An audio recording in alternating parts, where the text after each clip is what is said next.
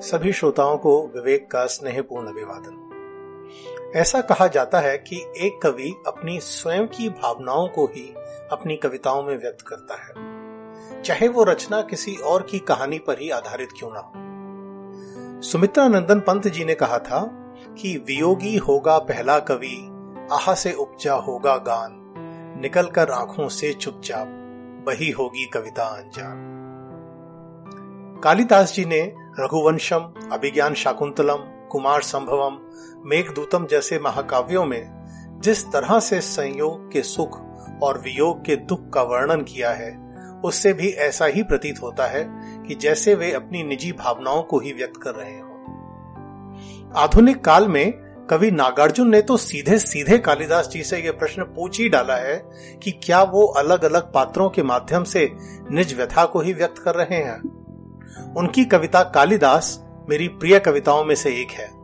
और आज मैं आपके साथ उसी कविता को बांटना चाहता हूँ। कालिदास सच सच बतलाना, इंदुमती के मृत्यु शोक से अज रोया या तुम रोए थे? कालिदास सच सच बतलाना।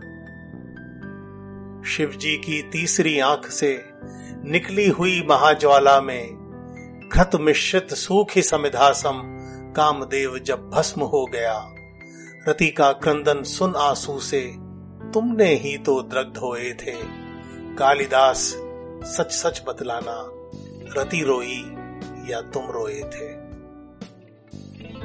वर्षा ऋतु की स्निग्ध भूमिका, प्रथम दिवस आषाढ़ मास का, देख गगन में शाम घन घटा, विधुर यक्ष का मन जब उचटा खड़े खड़े तब हाथ जोड़कर चित्रकूट से सुभग शिखर पर उस बेचारे ने भेजा था, जिनके ही द्वारा संदेशा।